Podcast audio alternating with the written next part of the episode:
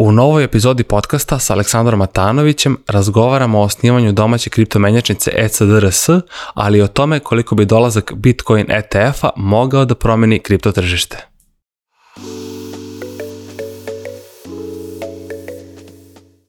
Pozdrav ljudi, dobrodošli u novu epizodu Netokracijnog Office Talks podcasta. Moje ime je Marko Crnjanski. Pre nego što krenemo, samo mali podsjetnik da se pretplatite na naš YouTube kanal kako biste bili u toku sa novim epizodama koji izlaze svakog četvrtka, dok ako vam je draži audio format, Office Talks možete pratiti putem Deezera, Spotify, Apple podcasta, Google podcasta i drugih.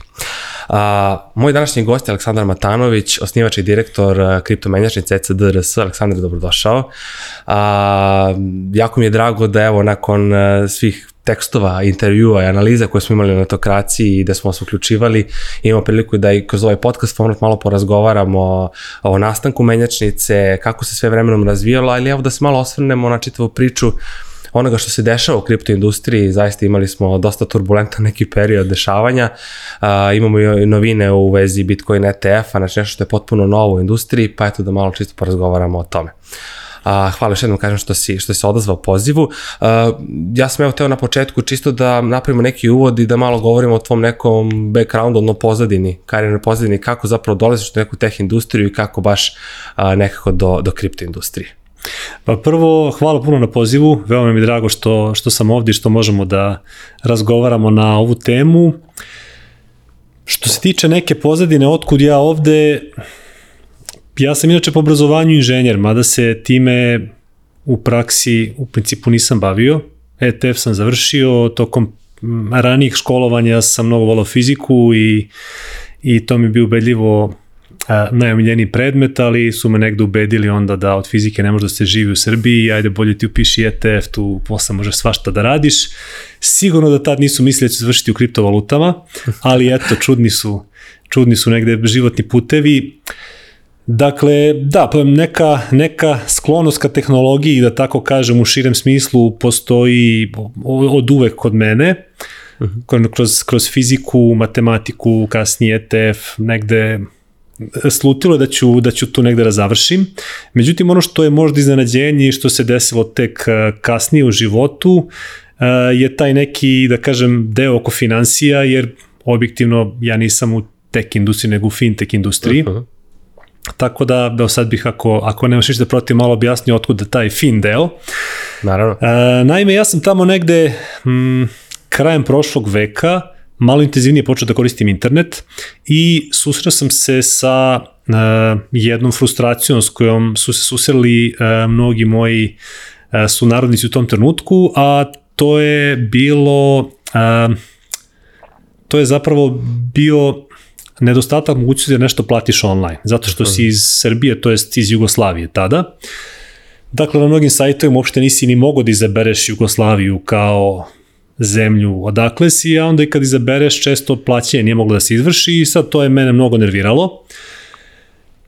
I negde, e, kad sam imao neke potrebe da nešto plaćam, stalno sam tražio načine kako da, da zaobiđem taj problem. U jednom trenutku sam nabasao na e-gold, uh -huh. to je bila u neku ruku preteča kriptovaluta, jedna od mnogih, jer e, za mnoge ljude koji, koji ne poznaju tu industriju previše, deluje da je, da je Bitcoin nastao onako prilično iznenada i ni iz čega, ali iza toga su decenije pokušaja da se tre, kreira neki novac koji je baš internet novac. Dakle, uh -huh. ne samo internet varijanta dolara ili eura ili dinara, nego baš novac koji postoji samo na internetu i, i Gold je jedan od tih mnogih pokušaja, jedan od najuspešnijih zapravo, oni su u jednom trenutku imali nekoliko miliona korisnika, što je za to vreme bilo, odnosno na ukupan broj korisnika interneta uopšte nije bilo malo. Uh -huh I meni se taj e-gold mnogo svideo zato što on te i ne pita odakle si, dakle čak i ne biraš zemlju kad se registruješ, nego samo e-mail, mm. šifra i to je to, dakle kao cash, ali u digitalnom obliku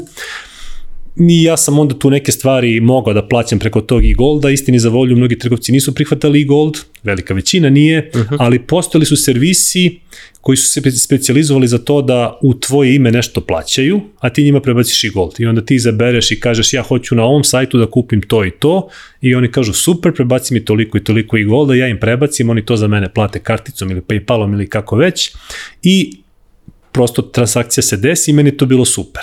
Jer onda to, to, to što sam bio iz Srbije nije više bio hendikep na internetu, već sam mogao da, da ravnopravno učestvujem u, u e-commerce-u i negde uh, tokom studija sam ja imao neke neke honorarne poslove da sam se bavio e-commerceom u, u, nekom, u nekom obliku, malo nekim uh, marketingom na internetu i tako dalje, nije to bilo ništa ozbiljno, ništa pretarano vredno pomena, ali generalno uh, sam se, kažem, bavio malo tu internetom u tom smislu i u jednom trenutku 2007 se dogodilo da sam ja zajedno sa tadašnjim partnerom osnovao menjačnicu za e-gold.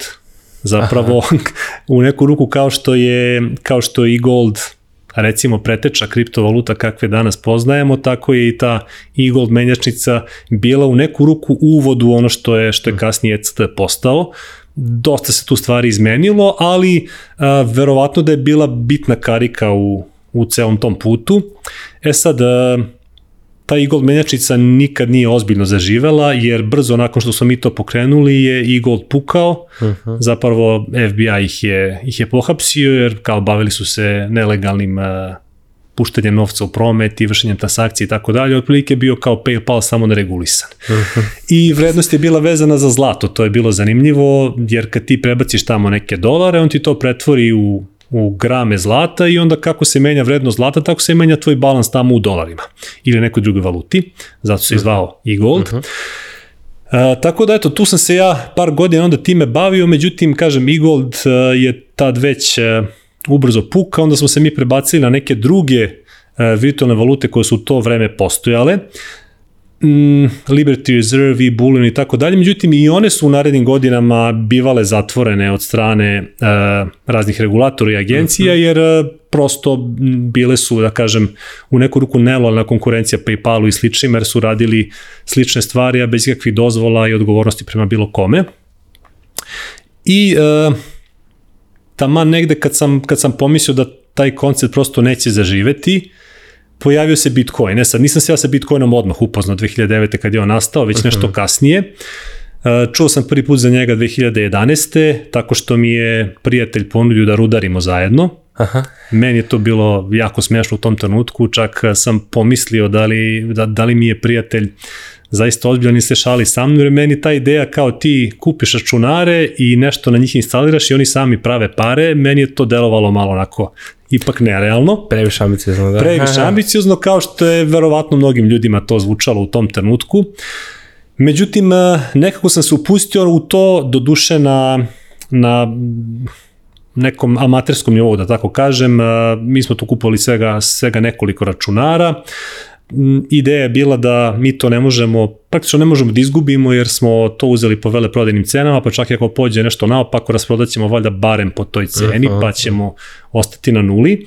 I tu su bile neke projekcije da ćemo mi već za dva meseca da isplatimo opremu, kao što obično biva u nekom uh, u nekom hajpu kad je rudarenje ultra isplativo. Međutim, mi smo tama negde na vrhuncu te isplativosti ušli, dok smo mi sve podesili, montirali i tako dalje, već je počela cena ozbiljno da pada. To je bio prvi veliki pad Bitcoina te 2011. godine kad je sa 32 dolara pao na ispod 2. E, mi smo uhvatili taj pad dosta dobro, iz dosta dobro po znacima navoda i vrlo brzo je to naše rudaranje postalo neprofitabilno, i struja nas je tu koštala mnogo više od, eh, od toga što smo uspeli, da. od što smo uspeli da izrudarimo. I tamo negde kad smo već počeli da se pitamo da li ovo ima nekog smisla ili da mi to polako rasprodajemo i da vidimo šta ćemo drugo da radimo u životu, eh, desilo se da sam, eh, da sam pričao sa, sa par ljudi koje sam znao od ranije, iz tog e-gold biznisa koji su bili moje mušterije tada, mm -hmm. i koji su praktično me nagovarali da ja otvorim menjačicu za bitcoine. I onda sam ja prvo rekao, pa do, šta će, šta će mi to, vidiš da rudaranje više nije isplativo i ko tu uopšte radi u Srbiji, to sigurno radi ono, 10 ljudi ukupno, međutim oni su mi ubeđivali da tu ima mnogo rudara, da oni imaju problem kako da te bitcoine uh, koji iz rudare naplate, i objektivno u to vreme stvarno broj servisa za razmenu bitcoine bio jako, jako mali i nijedan od njih ne radio sa da. Srbijom. Tako su ljudi snalazili na razne načine, ali generalno postoje, postoje taj problem. E sad, tih ljudi nije bilo puno objektivno. Uh, međutim, uspeli su da me nagovore, iako sam ja tada još uvijek bio dosta skeptičan prema Bitcoinu, jer ja sam mislio, pa dobro, i to će da pukne kao što je pukao Eagle, kao što je pukao Liberty Reserve, kao ajde da dok još živi da nešto probamo da radimo. Nisam odmah razumeo taj, tu snagu uh, distribuirane mreže, koja je negde i u muzičkoj industriju napravila, pre, napravila prekretnicu, ako se sećaš, bilo onih raznih servisa gde si ti skidao MP3 fajlove koji su bili da. centralizovani, pa ugase jedan, pa se pojavi drugi, pa ugase drugi, pa se pojavi treći, dok se nije torrent pojavio i to je bilo to je bio kraj igre praktično. Apsolutno. E, na sličan način i Bitcoin kraj igre u ovom, u ovom finansijskom domenu, imao si puno pokušaja da se neki centralizovani servisi, da kažem, pozicioniraju kao vodeći za internet plaćanja, međutim, pošto su bili neregulisani, a s druge strane centralizovani, bilo ih je lako ugasiti i onda se pojavio Bitcoin i ponudio način da da to može da se radi, da ga ne moguće ugasiti. Uh -huh. Ja to nisam odmah razumao i kažem, bio sam u početku skeptičan, ali kao ajde da probamo kad već znam time da se bavim, samo umesto i da radim Bitcoin. I sad nije to bio ozbiljan biznis, nije bilo puno rudara, 2012 jeste to dosta palo odnosno na tu 2011. To je bio, da kažem, godina, godina oporavka posle tog pada. Međutim, bili smo negde strpljivi i taj biznis je lagano rastao u narednim godinama. Mi smo tek, ja mislim, 2017. došli do petoro zaposlenih. Dakle, punih pet godina je to bio više hobi nego biznis. Uh -huh. Ali E, malo zbog toga što su troškovi bili mali, malo zbog toga što smo u nekom trenutku zaista i poverovali da od toga nešto može da bude, nismo se predavali i ostavili, ostavili, e, nastavili smo to da radimo i eto, to je sad u nekom trenutku izraslo u, u nešto što jeste relativno ozbiljan biznis, izreo biznis koji koji liči na nešto. Da, do, naravno, govorimo o menjačni CCDRS. Tako naravno, je, tako je, da. Biće, biće linkova u opisu ove epizode svakako da, da, da, da se publika bolje upozna. Uh, rekao si na početku pet zaposlenih, ti krećeš čitavu tu priču, uh, sa kojim ste se, mislim, sve to nekako izgledalo novo, kao što nam kažeš, da, regulativa da. u SAD-u nije prihvatala, zaista do, dosta smo imali nekih izazova, mogu misliti kako je to bilo u Srbiji, zaista prosto jedna je džungla koja morala se prođe da bi na kraju došla do nekog nivoa, o čemu ćemo svakako pričati u epizodi. Da. Uh, koji su bili ti neki početni pravni birokratski problemi i posljednje sa kojima ste, da kažem, suočavali kako je ECDRS krenuo da radi u Srbiji? Pa evo, sad ću, sad ću polako to da pređemo, samo, samo uh, jednu stvar da razjasnim, nismo mi krenuli sa petoro, čisto da ne bude zabune, Aha. tek 2017. smo došli na peto, krenuli smo nas dvojica, pa smo Aha. neko vreme bili samo nas dvojica, pa onda treći, pa četvrti Aha. i tako dalje. Uh, tim poslom i dalje nije lako baviti se, s tim što problemi koji su postojali 2012. se značajno razlikuju od ovih sada. Tada su glavni problemi bili to što ne postoji praksa. Dakle, niko to nikad nije radio. Um, knjigovođe ne znaju šta s tim da rade, pravni savjetnici ne znaju kako da te savetuju, mhm. jer oni generalno kad nisu sigurni uvek ti kažu pa ne znam, pa možda ovako, a možda i onako i prosto neće da, neće da zauzmu neki čvrst stav da se ne bi ti posle pozvao na taj stav i da. ovde je to zaista bilo i validno da se tako pozicioniraju jer nikakva regulativa nije postojala prvo što se pojavilo, a što liči na neko pravilo je, ako se dobro sećam, u oktobru 2014. se Narodna banka oglasila i rekla da kriptovalute nisu novac. Uh -huh. I ok, to osim što kriptovalute nisu bile novac, ništa drugo nismo znali u to vreme. E sad kažem, nije ni sad lako baviti se time, ali drugačiji su problemi. E, tada je glavni problem bio to što e, ne postoji praksa i što ne znaš baš kojim putem da kreneš, ali s druge strane si imao mnogo manje ograničavajućih faktora. Uh mhm. -huh. Dakle, tada je bilo, e, imao si set pravila koje ne smeš da prekršiš, koje se odnose na poslovanje manje više svake firme. Dakle, nisu postale specifične pravila za mhm. kripto biznis, nego ono što i svaka firma mora da poštuje, to smo morali mi da poštujemo. Dakle, znali smo šta ne smemo, ali nismo znali šta treba. I onda mhm. smo sami smišljali, što je dosta zanimljivo. Nije lako, ali je da. vrlo zanimljivo i kreativna rešenja čovek nalazi u tim situacijama. Sad je situacija dosta drugačija, sad osim toga što znamo šta ne smemo, ima i puno toga što moramo. Mhm. Tako da... Um, sada je mnogo manje manevarskog prostora, postoji s druge strane neka praksa, postoje neka pravila, postoji e, nešto na što možda se pozoveš, neko na koga možda se ugledaš, ali e, manevarskog prostora je mnogo manje, prostora za kreativnost je mnogo manje, tako da e, svako vreme nosi neke svoje prednosti i mane. Kažem, e, nisam siguran kad je bilo lakše kad sve sabereš i oduzmeš. Uh -huh. Finansijski je svakako bilo lakše onda, jer mi smo to mogli da pokrenemo maltene bez kapitala. Uh -huh. Sada zbog e, regulatornih zahteva se kapital verovatno meri stotinama hiljada evra ako hoćeš od nule da počneš samo do trenutka kad startuješ biznis, dok prođeš taj proces dobijanja dozvole, pripreme platforme i tako dalje i tako dalje. Tako da sada je to mnogo skuplje i mnogo više vremena treba da se počne. I kažem, osim, uh, osim što znaš šta ne smeš, znaš i šta moraš. Apsolutno, da. Da, nekada bilo onako otvoreno, pa nek se svako snađe kako zna i ume. Jeste. E, kaži mi, koliko sada je ljudi u ECD-u? Zaposleno? Pa sada oko 25, ne zameri mi što ne znam baš tačan broj, naravno, ali imamo nego, da, svakih mesec, dva maltene, neko dođe, ode, pa... Da. Zanimao me ovaj, taj rast generalno, ovaj, da eto sam ti nekih početnika, dvoje pa posle petora, sad do 20 i nešto ljudi, što je da, da. stvarno da. lepo brojka, što je samim tim i dokaz da se biznis vremenom razvijao. A, rekao si isto da praksa nije postojala, da li da. ljudi nisu verovali šta je, šta je kripto, šta su kriptovalute, da li je to nešto opipljivo, novac, valuta, a poeni za plaćanje i tome slično. A, ajde, postavit pitanje u kom će biti možda dva pitanja. Kako ljudi danas gledaju na to a, i kako zapravo danas ECDRS izgleda kada ste dostigli taj neki nivo poslovanja? Dakle, šta, ko, koje konkretne benefite nudi krajnjim korisnicima i kakva, da kažem, kakvo je osvrt, odnosno fokus korisnika danas na kripto? Odnosno, da li imaju oni poverenje to, da li ga koriste? Kako je u Srbiji čitava situacija što tiče? Pa, hajde, pokušat ću da napravim tu neku vremensku, vremensku paralelu. U početku, kad smo te kretali da radimo, jedan od velikih izazova je bio što 99% ljudi nije ni čulo za Bitcoin, a kamoli da zna šta to znači. I onda kad te neko pita čime se baviš, to je pitanje koje sam najviše mrzeo, zato što ne znam odakle da počnem. Upravo da. uh, I onda kad negde... Uh, od 2017. pa na ovamo, makar su svi čuli za Bitcoin i za kriptovalute i onda kad te pitaju čime se baviš, kažeš ja imam kri, kriptomenjačnicu, ok, možda ne znaju svi kako kriptovalute mm. funkcionišu, ali niko neće da te pita a šta su to kriptovalute. Mm -hmm. Dok 2012 je bilo kao, ja znaš je PayPal, pa čuo sam, ali nisam koristio, e pa ovo je slično, ali zapravo više različito nego je slično, da, da, nego što je da, da, slično da, da. i tako da je bilo dosta komplikovano.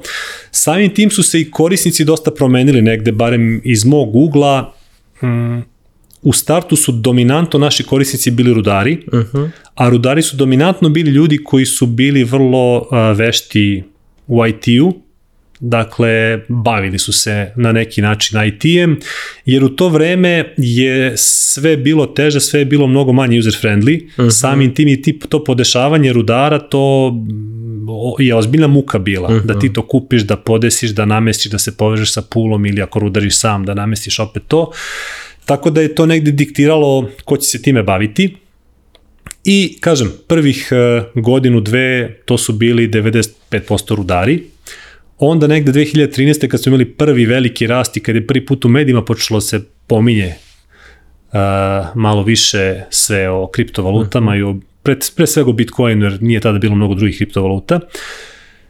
Onda su krenuli da ulaze i neki prvi špekulanti, oni najhrabriji, uh -huh, koji, da. koji najmanje čekaju da, da se nešto potvrdi kao dobro pa da onda uskoče, nego hoće da bude među prvima. Međutim, kako vreme prolazilo, tako su i konzervativniji ljudi krenuli da ulaze u kripto. -huh. I tačno negde u talasima to možeš da vidiš. 2017.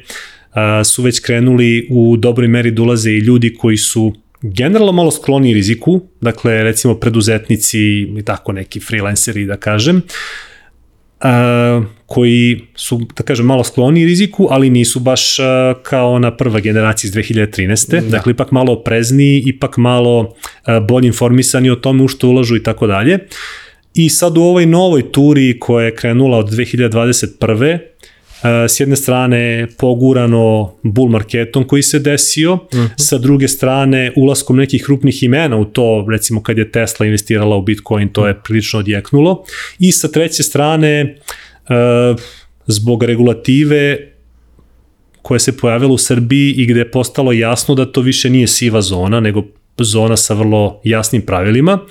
Oslobodili su se i neki ljudi za koje ne bi mogo da kažeš da su da su nešto posebno skloni riziku u bilo kom smislu. Dakle, mm. uh, da kažem, neki ljudi koji bi se mogli nazvali retail investitorima, dakle ljudima koji su, ono, kažem, obični investitori koji deo svog portfolija hoće tu da plasiraju. Uh -huh. i negde kako vreme prolazi sve je normalnije da, da i takvi ljudi ulaze u, u ovu oblast i onda smo se negde i mi prosto prilagođavali vremenom situaciji na tržištu, uh -huh pošto smo u početku bili dominantno okrenuti ka rudarima, onda smo gledali da sve što radimo, radimo tako da, da njima bude što lakše. Kako se, kažem, kako se menjala negde struktura korisnika, tako smo mi pokušavali da i tip usluge i način na koji izvršavamo i neke prateće stvari koje radimo kao što su blogovi, mm -hmm. razne druge objeve. Prosto, da, zapravo... prosto prilagodimo toj novoj vrsti korisnika, jer oni, oni korisnici koji su na početku koristili kriptovalutu, oni su bili dosta bolje potkovani što se tiče tehnologije, e, znali su sami e, sve što treba, kako treba da se podesi, ovim novima treba više pomoći, tako da mhm. mi smo negde tu e, se pozicionirali kao neko ko ko vodi računa o klijentima, ko je tu ako im zatreba i pošto si pitao između ostalog i sad zašto bi neko koristio baš nas, mislim da je velika prednost baš to što možemo da im pomognemo mnogo više nego što može da im pomogne recimo neka strana platforma, -huh. jer oni mogu kod nas i da dođu, mogu da nazovu telefonom, dakle nije prepiska samo preko tiketa na koji ti neko odgovori obično generički. Postoji korisnička podrška. Da. Postoji korisnička podrška koja zaista može da ti pruži i neke informacije koje, koje uh, daleko prevazilaze ono što, što samo naš servis radi. Uh -huh. Dakle, saveti kako čuvati kriptovalute, kako raditi backup, gde je bezbedno trgovati, gde je manje bezbedno trgovati, dakle sve neke stvari stvari koje nemaju veze sa našim servisom, već imaju veze sa korišćenjem kriptovaluta uopšte. Dakle, to su neke informacije koje od nas mogu da dobiju i sa druge strane imaju neki nivo pravne zaštite koji nemaju ako, ako trguju na stranim platformama, počeo od toga što smo licencirani do toga da u slučaju nekog spora nadležan je domaći sud. Dakle, ne, ne moraju uh -huh. da se mhm. jure na nekim devičanskim ostrovima po njihovim Jasne. sudovima, Jasne. gde su advokati jako skupi, ovde mogu, ako slučajno imaju neke probleme s nama, mogu da traže pravdu kod domaćih organa i da je za mnogo manje para dobiju ako su stvarno u pravu. Naravno. E, Pomenuo sam da kažem e, više puta e, rudare, osvrnut ćemo se moliti na tu temu. E, rekao da su oni isprva bili vaši korisnici, verujem i sada su, ali ono što me zanima jeste da i obični korisnici koje zanima kripto kao takav i kao industrija mogu da dođu na ECD i jednostavno da kupe valu, kriptovalutu koja njih zanima za realan novac koji, koji postoji u koji će čuvati u okviru nove ECD wallet aplikacije o kojoj smo pričali prošle godine, ako se ne varam, da je to novina koja je aplikacija vaša koja je dostupna za iOS i Android. A, tako da eto, o, hteo sam malo više da govorimo o tome kako se došlo do ideje da se aplikacija pusti, a, da se napravi i o, eto, šta korisnici dobijaju njome. O. Jasno. A, pa da, rudari su, ako, ako su recimo rudari u startu bili 95% naših korisnika, sada su 5% otprilike, mm -hmm. tako da se to obrnulo skroz, jer rudarenje generalno je u Srbiji u priličnoj meri zamrlo, Pre svega od trenutka kad je Ethereum prešao na proof of stake, dakle od kad se Ethereum više ne rudari grafičkim karticama i onda praktično dve ubedljivo najveće kriptovalute uh, se više ne rudare grafičkim karticama. Istini za volju Bitcoin se i dalje rudari ovaj pomoću mašina i troši se puno struje i tako dalje, ali nekako se to u Srbiji nikad nije zapatilo. Naši ljudi su uvek više volali grafike, pa šta god možda se rudari grafikama, jer nekako su osjećali sigurnije ako slučajno rudarenje pukne kao biznis, mogu da rasprodaju opremu, što kod Bitcoin rudarenja nije slučaj. Dakle, ako bi Bitcoin rudaranje postalo neprofitabilno, oni s tom mašinom ne mogu da rade ništa. E, kažem samo, znači, kad govorimo o rudaranju, ajde neko plastično da objasnim, to je princip, odnosno metod pozemljivanja računarske snage a, a, u generisanju blockchain lanaca, tako da bi se, tako je. da kažem, iskopala određena određeni procenat određene kriptovalute? Pa svaka, svaka uh, finansijska mreža mora da ima svoju hardversku infrastrukturu. Ja. Banke imaju servere, a kriptovalute imaju rudarske mašine koje Jasno. su razbacane svuda po svetu i ti rudari obezbeđuju hardversku infrastrukturu, zato su nagrađeni. I Tako je.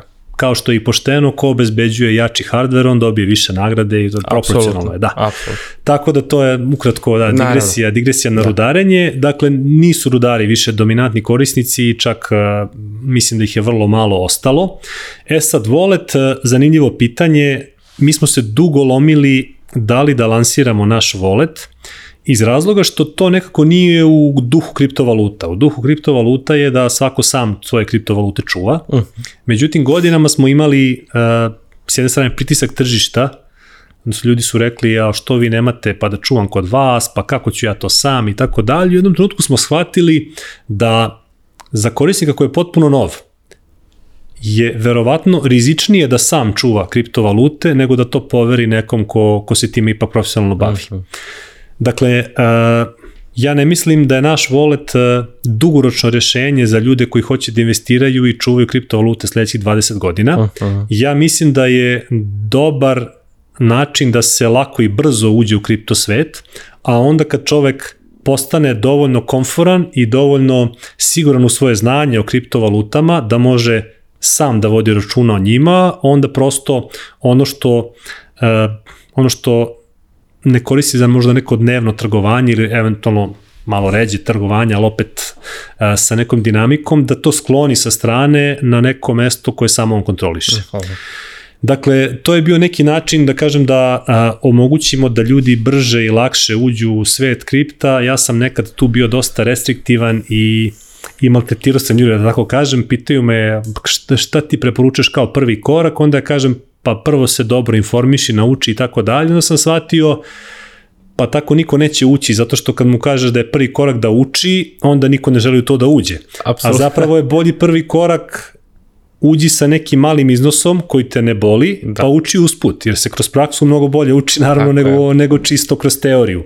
Slažem I negde naš wallet jeste korak u tom smeru, da kažemo, ok, ne znaš ništa, ne moraš odmah da slušaš 100 sati YouTube materijala da bi naučio sve što treba o kriptovalutama, uloži 2000 dinara, kupi neku kriptovalutu, igraj se, prodaj, pa ponovo kupi, pa uh, vidi kako, kako funkcioniše to kretanje cena, kako funkcioniše slanje, ili pad, primanje, da. tako da. Tako, da. da.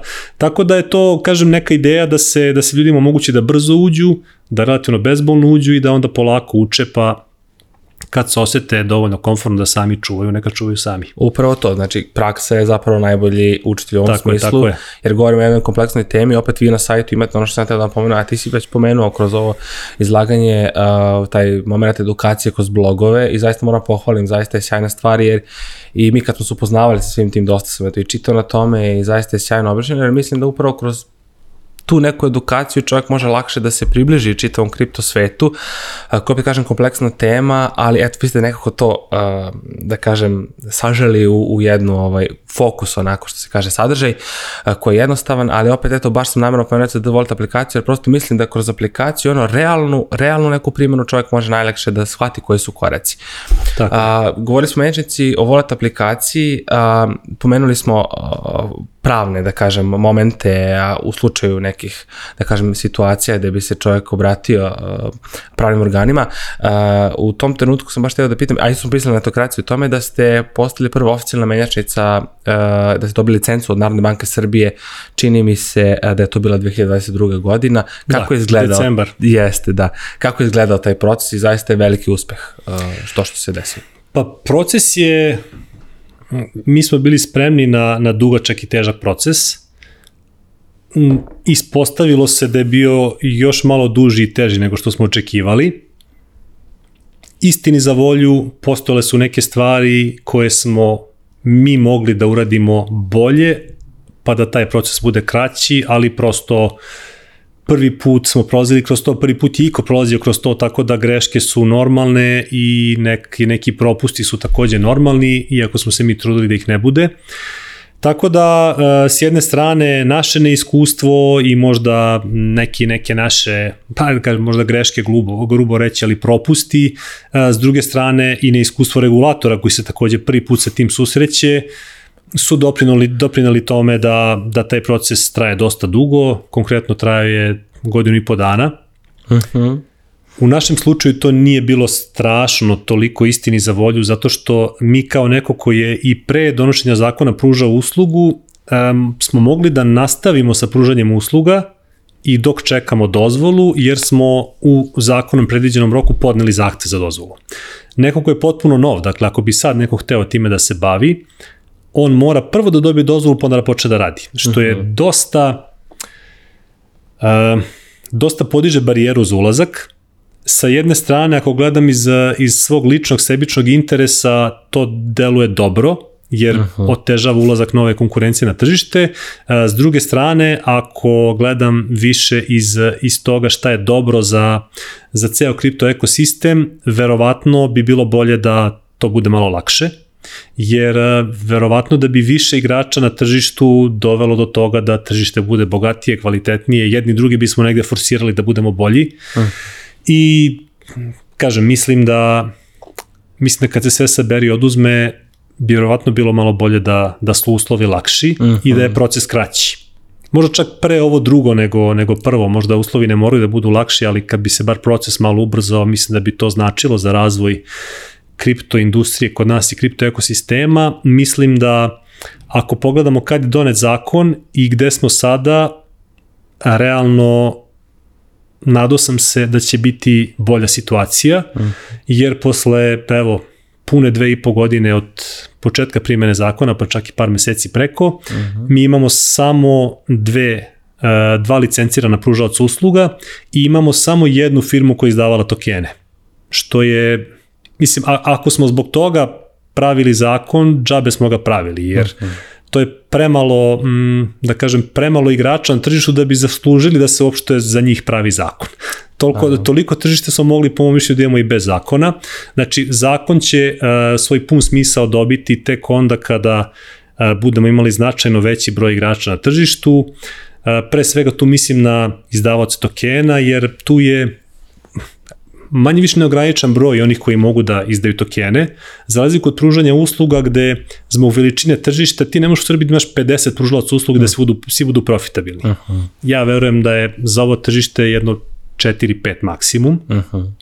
U ovoj, u ovoj situaciji i sa, ovom, sa ovim nivom adopcija kriptovaluta. Uh, Naravno, kako, kako tržište bude raslo, bit će prostora i za više igrača, ali trenutno tu ne može da i bude previše prosto zbog veličine tržišta, ali uh -huh. izdavac tokena bi moglo da bude mnogo više, jer oni nisu jedan drugom konkurencija, uh -huh. jer prosto to je način za finansiranje nekog biznisa ili finansiranje nekog novog projekta i svako finansira svoj i iz tog ugla nisu jedan drugom konkurencija, osim ako se bave potpuno istom stvari, što češće nije slučaj nego što jeste.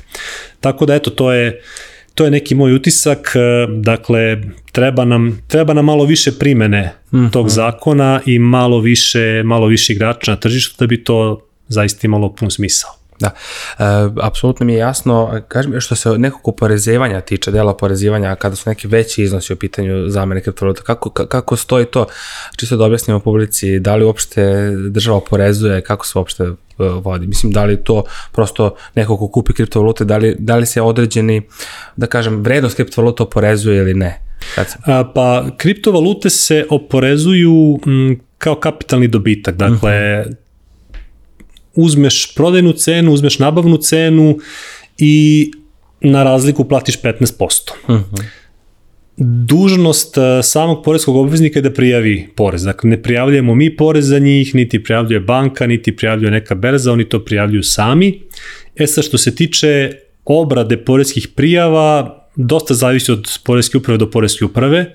Neke su, neke su dosta brze tu, neke su veoma spore.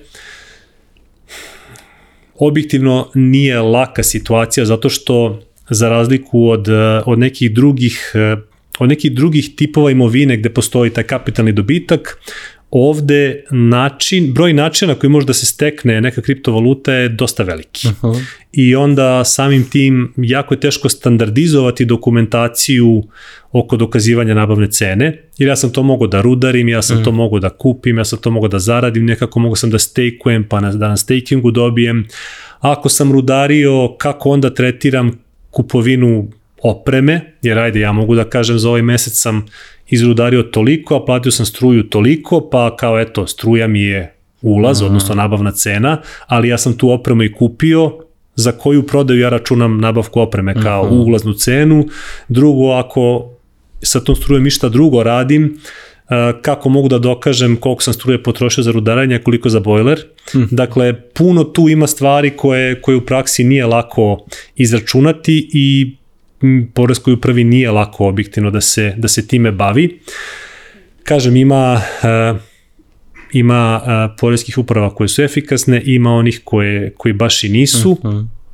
gde se godinama čeka na rešenje. Uh, Tako da, ne znam šta bih ti rekao, postoji takođe, postoji takođe percepcija među ljudima koji koriste kriptovalute da ono što se dešava na stranim berzama prosto je nevidljivo našim porezkim organima, uh mhm. -huh. što u ovom trenutku verovatno jeste slučaj, ali ne znači da će tako zaovek biti. Ja verujem da bi uz neki nalog oni mogli da daju podatke o određenim transakcijama, sad da će se to desiti, kad će se desiti, iskreno pojma nemam. Mm -hmm. uh, mislim da još uvek uh, da se Poreska uprava još uvek uhodava sa time i da, da još uvek traži, traži način da, da neke stvari ubrza, da neke stvari standardizuje. -huh. Mislim da bi trebalo razmišljati i o tome da se da se ti poreski zakoni malo unaprede na način da se olakša i korisnicima, a i poreskoj upravi, jer trenutno je zakon takav da se tebi svaka i najmanja prodaja kriptovaluta tretira kao poredski događaj, a i svaka zamena jedne kriptovalute za drugu se takođe tretira kao poredski događaj. Uh -huh. A ti... Isto tako i zamena kriptovalute za realan novac. Tako je, tako je. Uh -huh. I što je najgore od svega, kad ti podnosiš poresku prijavu, ti možeš da podnosiš za svaku transakciju pojedinačno. Uh -huh. E sad zamisli nekoga ko je ono, daily trader ko svaki dan ima po nekoliko transakcija, da. on bi bukvalno morao da zaposli nekoga full time da upunjava poreske prijeve. Upravo to. A većina tih transakcija ostvaruju zarade od možda par dolara i par desetina dolara, da je onda porez, ne znam, lupiću sad 1,7 dolara i uh, to je to je neefikasno i to je, uh, to je bacanje resursa. Mislim, bacanje resursa je da se poreska uprava bavi kapitalnim dobitkom od 1,7 dolara. Uh mhm. -huh. Jer više nju košta da obradi taj zahtev nego što naplati u porezu. Uh mhm. -huh. Tako da mislim da treba ići ka tome da se nađe neki minimum ispod koga se prosto ne obrađuju poreske prijeve, odnosno ispod koga se i ne šalju poreske prijeve, mnoge zemlje to imaju, i da se na taj način olakša i korisnicima s jedne strane i poreskoj upravi s druge. Jasno. Uh, evo baš sad kada govorimo o četvrtoj trgovini i stavim na, na, na, na kripto tržištu, ne mogu da se prosto ne osvrnem na, ja bih nekako rekao možda i dalje trenutno postojeći bear market i sve ono što se dešavalo prethodnih uh, par godina i sa FTX menjačnicom i sa Terraform Labsom, zaista smo imali neke ovaj, čudne priče, prevare i tome slično, što je možda i poljuljalo nekako, uh, ajde da kažem tako, poverenje ljudi u svetu kada je reč o trgovini, ali prosto industrija nastavi da postoji i nastavit će da postoji. To je prosto činjenica. Vidimo da se Bitcoin polako i vraća, pa je padao, pa sve sad možda uhvati neku stabilnost. Ali ono što je zapravo velika novina u čitavoj kriptoindustriji, ako stavimo po stranu bear market i sve te nemile događaje, da tako da. nazovem, jeste dolazak Bitcoin ETF-a i to ono što smo i pisali na netokraciji, zapravo prepoznavanje Bitcoina kao tradicionalne platne, da kažem, i platnog instrumenta od strane Komisije za hartije od vrednosti u SAD-u. Da li bi mogo da nam objasniš kolika je to zapravo promena u, čitav, u čitavoj kriptoindustriji i zašto je to toliko važno? Po meni je to, po meni je to tektonski poremećaj. E, mislim da je to jedan od najbitnijih događaja u istoriji kriptovaluta. Neki će reći da je to e, u suprotnosti sa idejom zbog koje je Bitcoin nastao, a ideja zbog koje je Bitcoin nastao je da bude alternativa postojećem finansijskom sistemu uh -huh. i da bude neki, da kažem, uh, buntovnički novac u neku ruku, a ne da se njime trguje na Wall Streetu.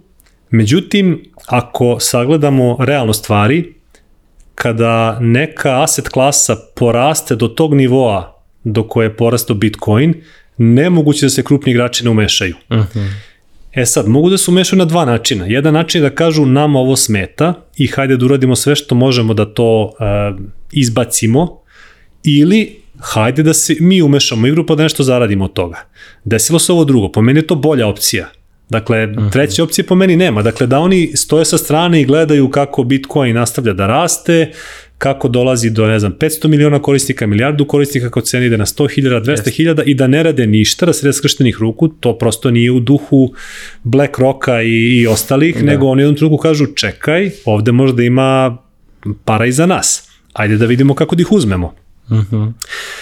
Zašto je to bitan događaj? Bitan je zato što je mm, legitimizovana cela priča i zato što ti sad ti sad treba da budeš baš ostrašćeni protivnik Bitcoina pa da kažeš a to je samo novac za kriminalce, to je samo za pranje para, to je mm. samo za kupovinu droge, a s druge strane imaš jedan BlackRock i još, i još deset sličnih njemu koji su praktično Bitcoin konvertovali u hartije od vrednosti i njima se trguje na, na najvećim svetskim berzama. Mm -hmm. Dakle, znaš, teško, teško sad više pije vodu ta, ta retorika i po meni, po meni je to dalo jedan pečat legitimiteta koji, koji možda čak ni regulativa nije dala, jer e, ti sad imaš ovde jedan ozbiljan štit od negativne regulative.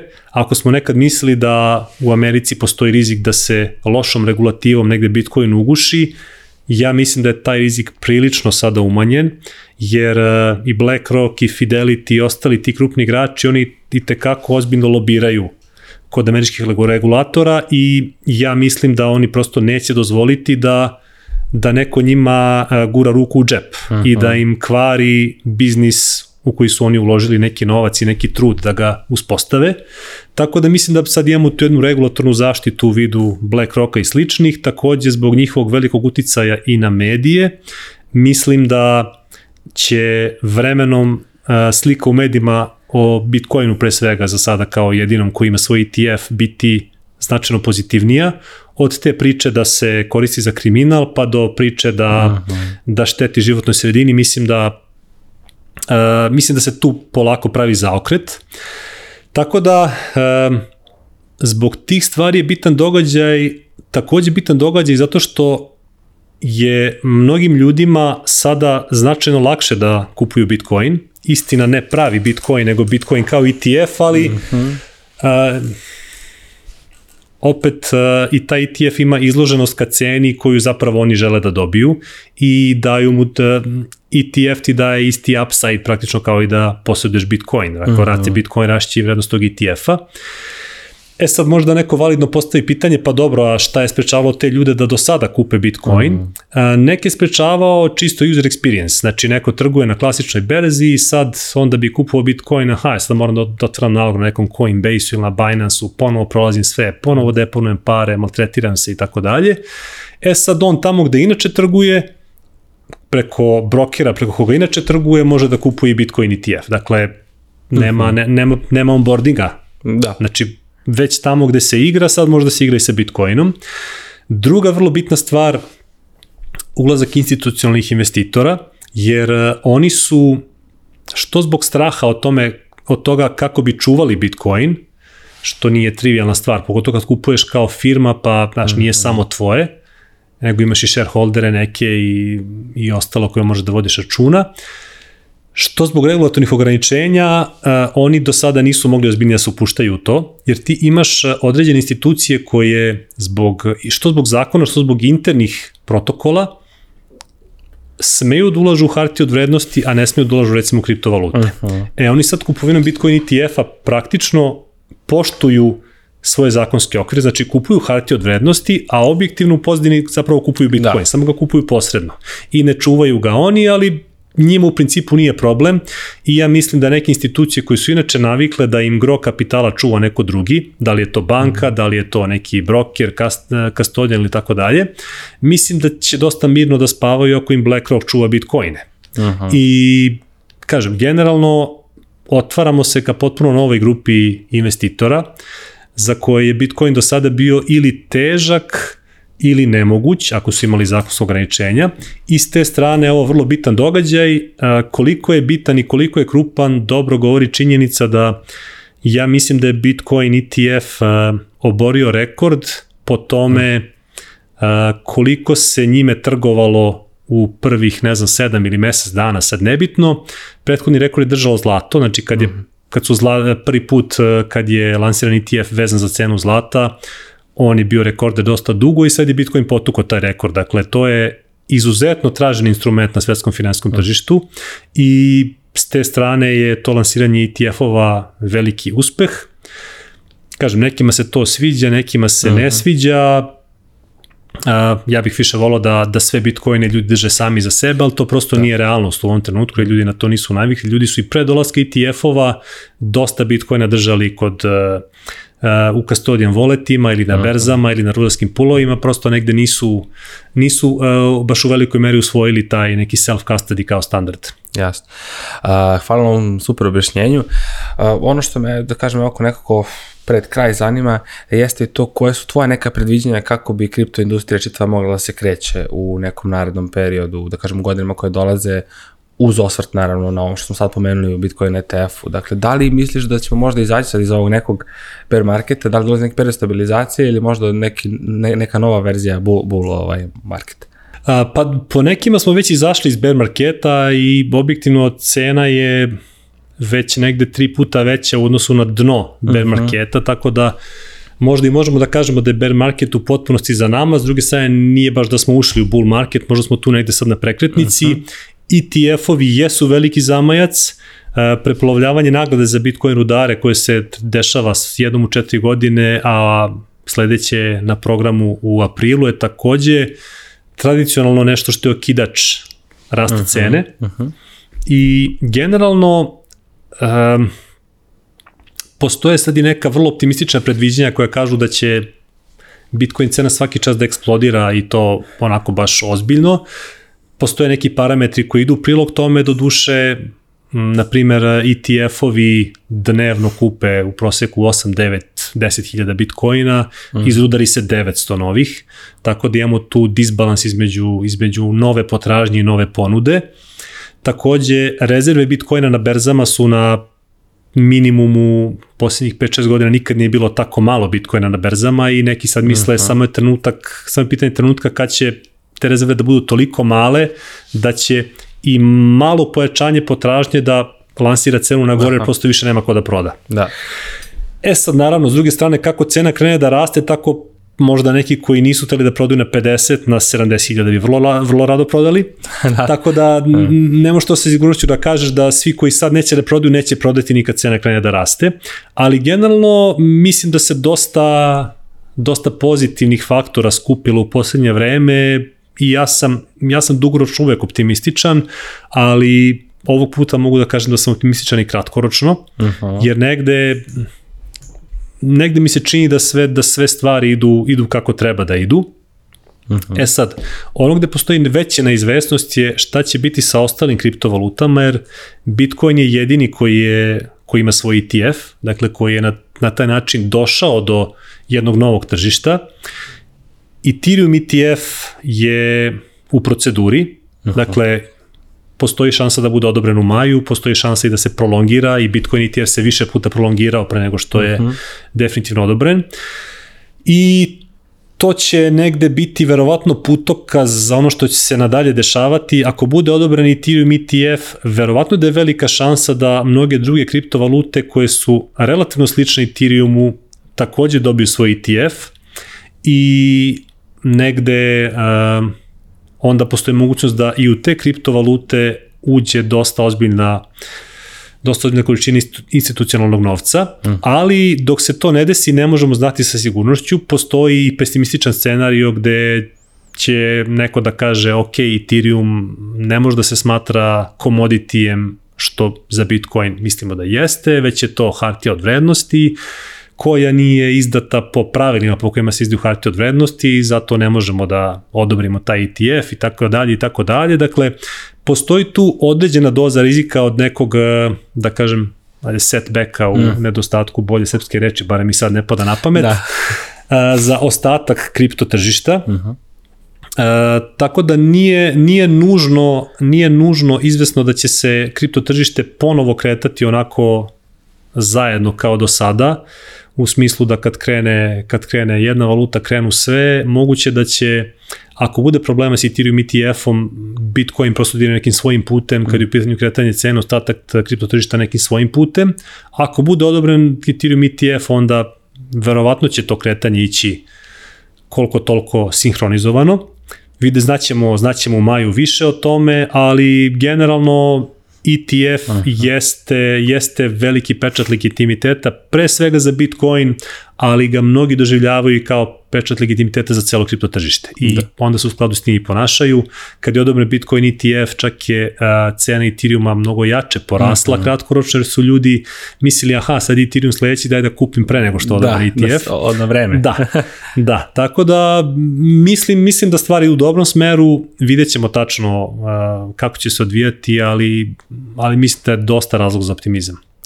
Super, uh, hvala ti. Evo, sad ću na samom kraju isto da te pitam svakako koji su naredni planovi za ECDRS menjačnicu, poslovni. Čini mi se da u ovom trenutku imate baš dosta korisnika. Uh, nismo govorili o tome, preko 20-30 hiljada, čini mi se, poslednji put je bilo tako nešto, sad ne znam tačno koja je brojka, ali zaista uh, u pitanju je zaista da kažem, servis koji, koji super radi. Uh, da li je upalo možda povećavanje uh, ovih uh, kriptomata, kakva je situacija sa time i da li eto imate neki plan novih osveženja, servisa, alata i tome slično? Pa do, postoje, postoje neke stvari koje, na kojima radimo, a koje za sada nismo u mogućnosti da obelodanimo, kao što to uh -huh. često i biva uh -huh. u poslu.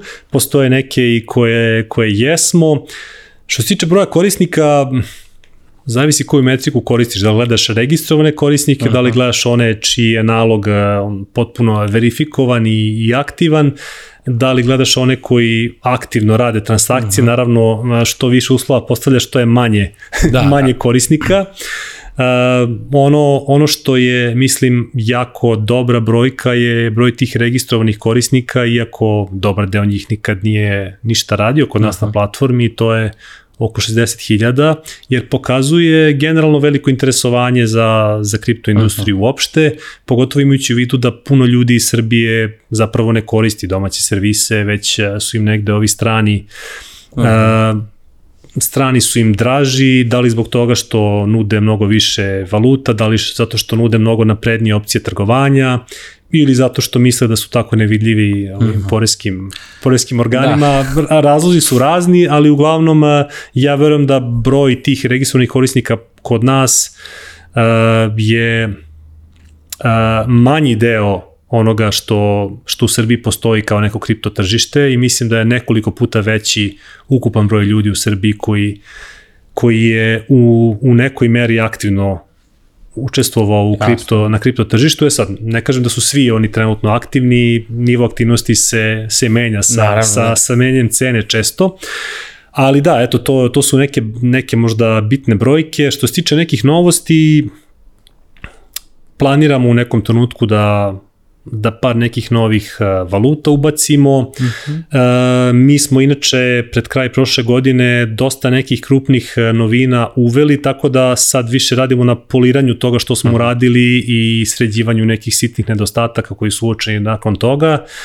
Naime, lansirali smo mobilnu aplikaciju pa smo uveli video identifikaciju kao način uh, uspostavljanja poslovnog odnosa, pa smo uveli i olakšani način uh, onboardinga korisnika za one koji rade sa manjim iznosima, Aha. tako da puno toga je bilo novog baš u posljednjih šest meseci i onda normalno je da sad imamo malo zatišje i malo konsolidaciju i sređivanje onoga što smo već napravili, ali imaćemo i ove godine ja mislim dosta zanimljivih stvari, kažem za početak to su neke nove valute, to je prvo novo što nam sleduje. Uh -huh. e, takođe gledat ćemo da aplikaciju obogatimo, jer aplikacija trenutno ima e, smanjen set funkcionalnosti u odnosu na ono što na sajtu možeš da uradiš. Uh -huh. Nešto od toga je i namerno urađeno zbog, zbog toga da se ne zatrpava aplikacija da bi ipak bila relativno laka za korišćenje, a nešto od toga urađeno i zbog toga da bismo što prelansirali i uh -huh. postoje neke stvari koje smo od starta želeli da budu deo aplikacije i bit će deo aplikacije. Tako da eto, možda, možda bih to naveo kao dakle, dva, dva glavna plana za neki budući period, nove valute i unapređenje funkcionalnosti same aplikacije kako bi neke stvari koje već postoje korisnicima na raspolaganju na sajtu bile, bile dostupne na aplikaciji. Da, sjajno, mi ćemo svako na aplikaciji biti voljni da, da vas podržimo, da pišemo o tome i jedva čekam da čujem koje su te uh, novine. Aleksandar, tebi puno hvala što si bio naš gost, što sam ovako detaljno objasnio zapravo šta, šta čeka čitavu kriptoindustriju, kako sve to izgleda dolaskom ETF-a, tako da kažem, u kontaktu smo svakako, pisat ćemo o tome i na netokraciji. tebi još jednom se zahvaljujem na gostovanju i sve najbolje naravno u daljem poslovanju kad je reč o ECDRS menjačnici. Hvala i tebi puno na pozivu, bilo zadovoljstvo. Nema na čemu.